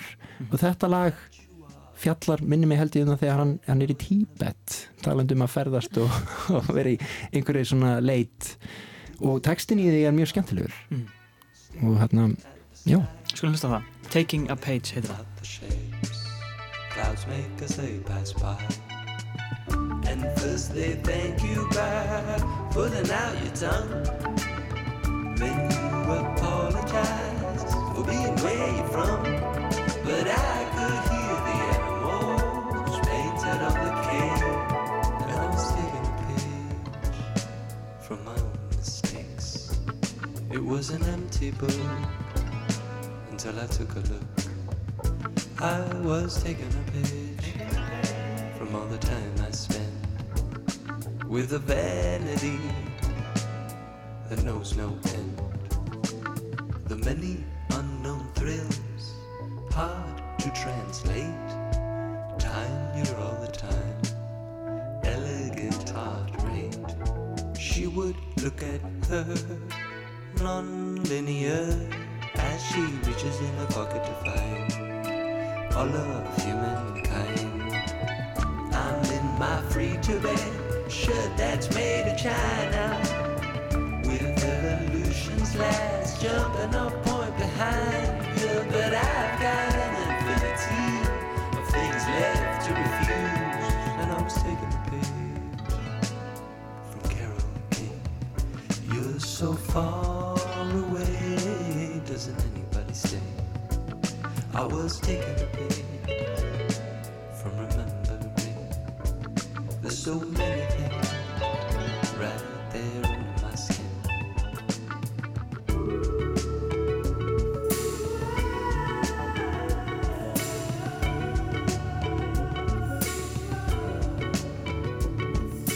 Wandering through a world neither of us understands. And when you think you just can't stand it, zoom out and see the planet. Cause love's a little like crowd surfing in an empty club. Oh, that's a little bit like something a lot like love. But things could really be much worse. At least there's smiley face. Oh, but I can't take no more guitar solo or car chase. Words tend to mean the most in songs that are just music. Think that colors say, hey, who's your favorite human? But I was stranded in place of my favorite details, and I was taking a page from my imaginary life, where I'm a good husband. Yeah, that sounds nice. I was taking a page from never feeling. I was a girl or a guy, but I had to try. Þetta var lagið Taking a Page með Devendra Banhart. Banhart, Banhart, Hva, hvað segir maður? Bara eins og þú sagði heldur. Já, það var ekki flott. Jú. Bara ekkert að skamast mig fyrir það. Mm. Ég ætla að spyrja það meira út í skömmina, Sverrir. Þú ert núna aðeins búin að tala um, um í hérna tegundaskömm og, og svo svona í aðrað flugskömminni líka. Já. Og áður en fórum upptökutölu aðeins um, um, um kannski ekki skömm, já, við notum ekki orðin skömm, en, en það er náttúrulega hefur mikið verið rætt um skömmina sem er bara fólkin í því að vera hvítur kallmaður það er, alla eilíft eh, umræðafni mm. eh, hvernig, hver, hver er þinn skilningur á, á skömminni? Varandi það að vera kvíti kallmenn? Nei, bara ekki varandi það, bara skömm mm. skömm sem hugtak eða, eða tilfinning eða upplifun Já, eð, sko, ég held að skömm sé, já, eins og sagðan, ekki ákvæðinu, hún sé elsniti til að fara eitthvað og gera eitthvað við hana, sko.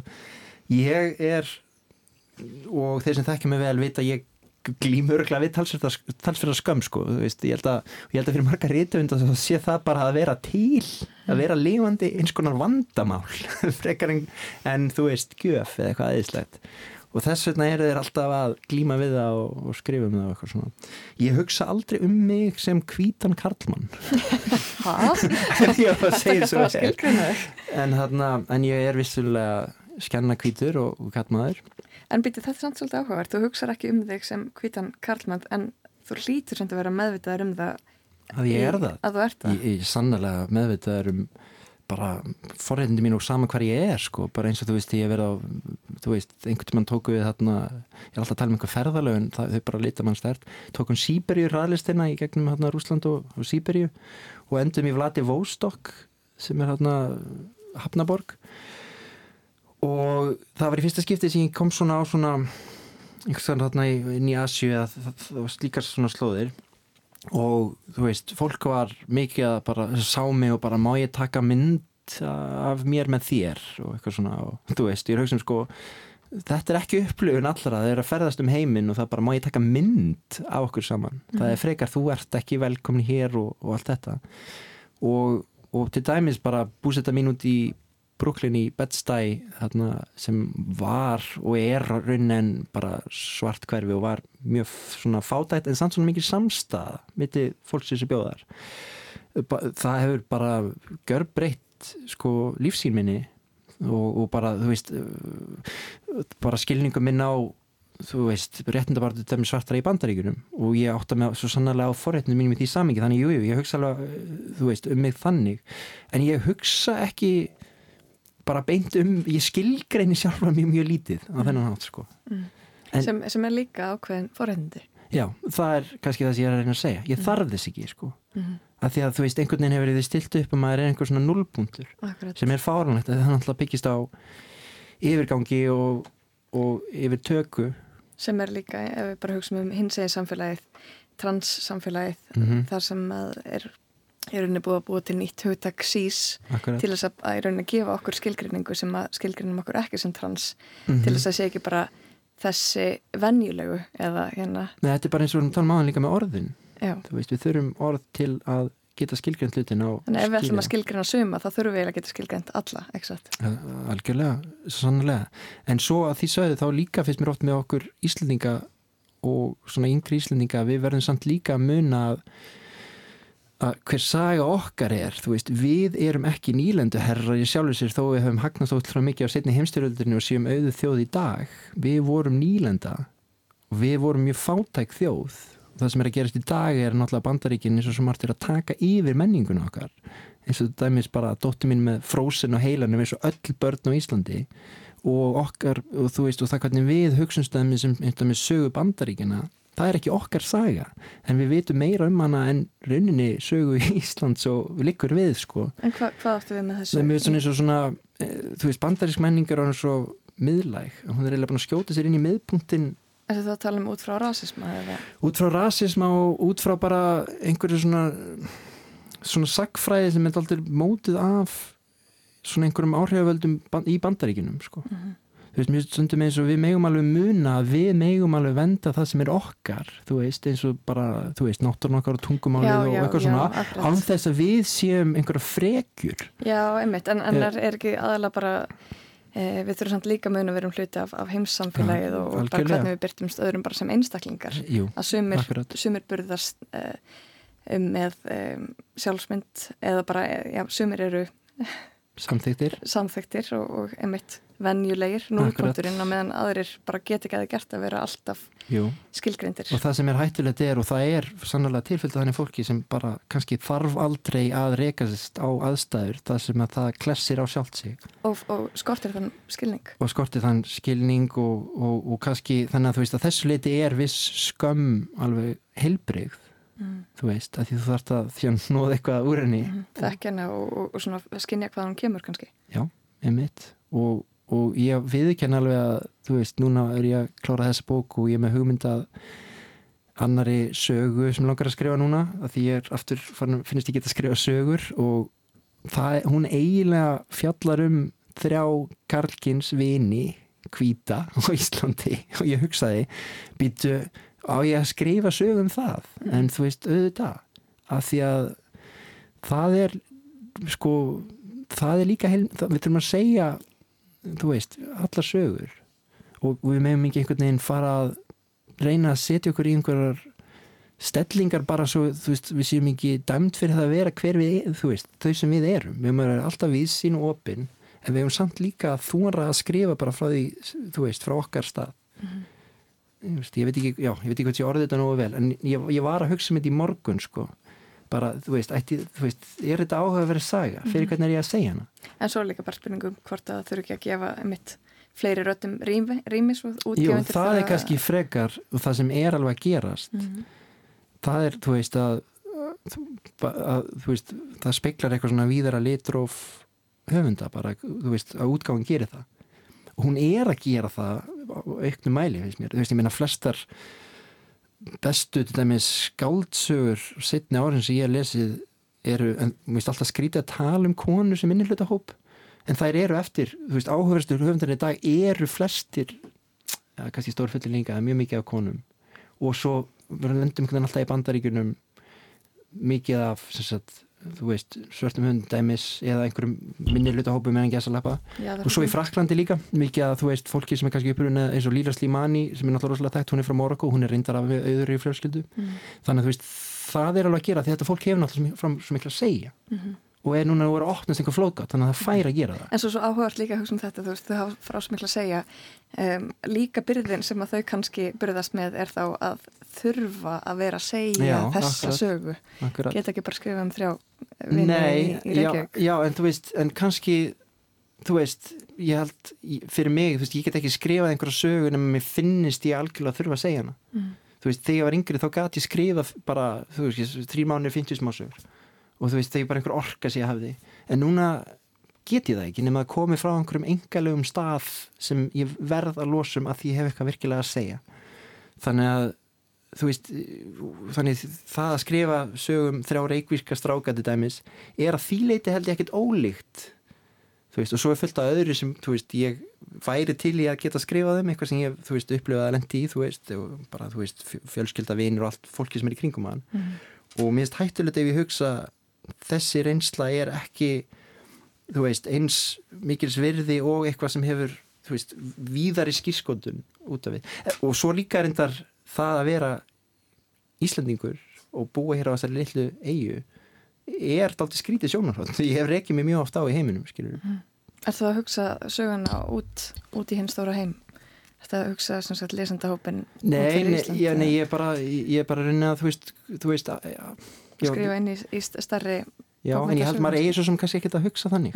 Maður á bara, ef maður er með fyrir mig, ef ég er að skrifa eitthvað þá er það einskísvirðir nema ég sé með einhverja svona hlýja tilfinningu innra með mér Þú byrjar viðtalið, eða við byrjum viðtalið á lægi um, um snjóflóðin Mhm. og þá talaður um að snjóflóðin hefði um, kveikt okkur inn í ímyndunar afleinu. Mhm. Það, er, það er kannski svolítið áhugaverður, þú varst miklu yngri þá Mhm. og, og hérna það er kannski svona áhugaverður samburður á hvernig þú nálgast skald, skaldskapin þá út frá þessu sem er að segja í dag Mhm. að þú farir inn á eitthvað svona enga stað og út frá þinni sögu Já, ég, sækir eitthvað. það sem ég kannski segja með sem yngastæðar ég fer ekki inn í þessa hlýja tilfinningu og er kannski frekar að hugsa um hvað ætti ég að skrifa um núna hvað er áhugavert, hvað finnst samfélaginu áhugavert í dag þá erum við einhvern veginn farin af slóðum skálskapar sem er svona engalöfur Mhm. fyrir mér og, og inn á bara einhverja svona samfélagsumræði sem er alltaf í gangi þú veist, fyrir mér er þetta bara ekki sami hlutur, mér finnst mjög erfitt að samræma til dæmis, þú veist, allt þetta flæði í símanum mínum við skálskapin, mér finnst þetta að vera bara tvö mjög ólík svið. Skil, skilur þú hvað ég minna, þú veist, þetta er einhvern veginn þetta er, þú veist, maður er að grafa eitthvað upp úr sjálfum sér, Mhm. en svo er maður náttúrulega líka að hala inn eitthvað utan skilur þú, móður því. Mhm.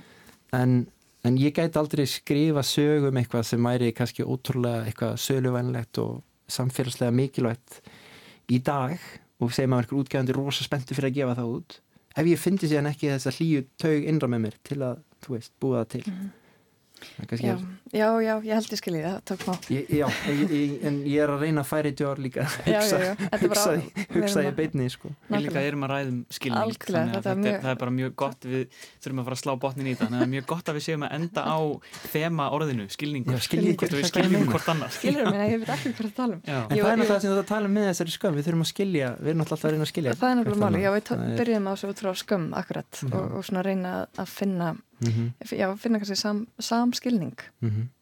það, er það ekki eitthvað gott nýjari? Samskilningur Jú, eða samkend bara já, samkend. Það er kannski bara að loka orðin Sverri Norland, takk hella fyrir komuna í þáttin Takk fyrir mig, þetta var mjög gaman En við ætlum að spila eitt lag í, í lokin mm -hmm. Það er Talking Heads, eða ekki? Jú, það er Segð það frá læginu Þetta er ekki, þetta er svona augljóst val þegar þessi fyrst við erum með Talking Heads á fónunum This Must Be The Place, Naive Melody. Þetta er mjög, það var mjög vinsalt aftur á setni árum. Mm. en ég, þetta lag hefur fyllt mér bara frá því ég var ég veit ekki hversu gammal, pappi átti á vínil Talking Heads plödu og ég fekk þetta lag bara, ég var með algjörða obsession fyrir þessu lagi. Mm. og ég, ég, það voru dagar ára bíl, þess að ég hlusta á þetta lag 20, 30, 40 sinnum, ég var kannski brúta að lappa ég hlusta aftur og aftur og aftur og það er líka alveg svona einhvern veginn grift inn í mig. Og ég hef stundum hugsað að ég væri til að skrifa skáldsögu, hver lína væri þú veist einhvern veginn inspirasjónun og eitthvað svona. Og eh, ég hef bara verið með þetta lag á heilanum alla mína tíð líka við. Mm. Við ætlum að enda þetta á Talking Heads. Sverri Núland, takk hjá það fyrir komuna. Sumleis, takk fyrir mig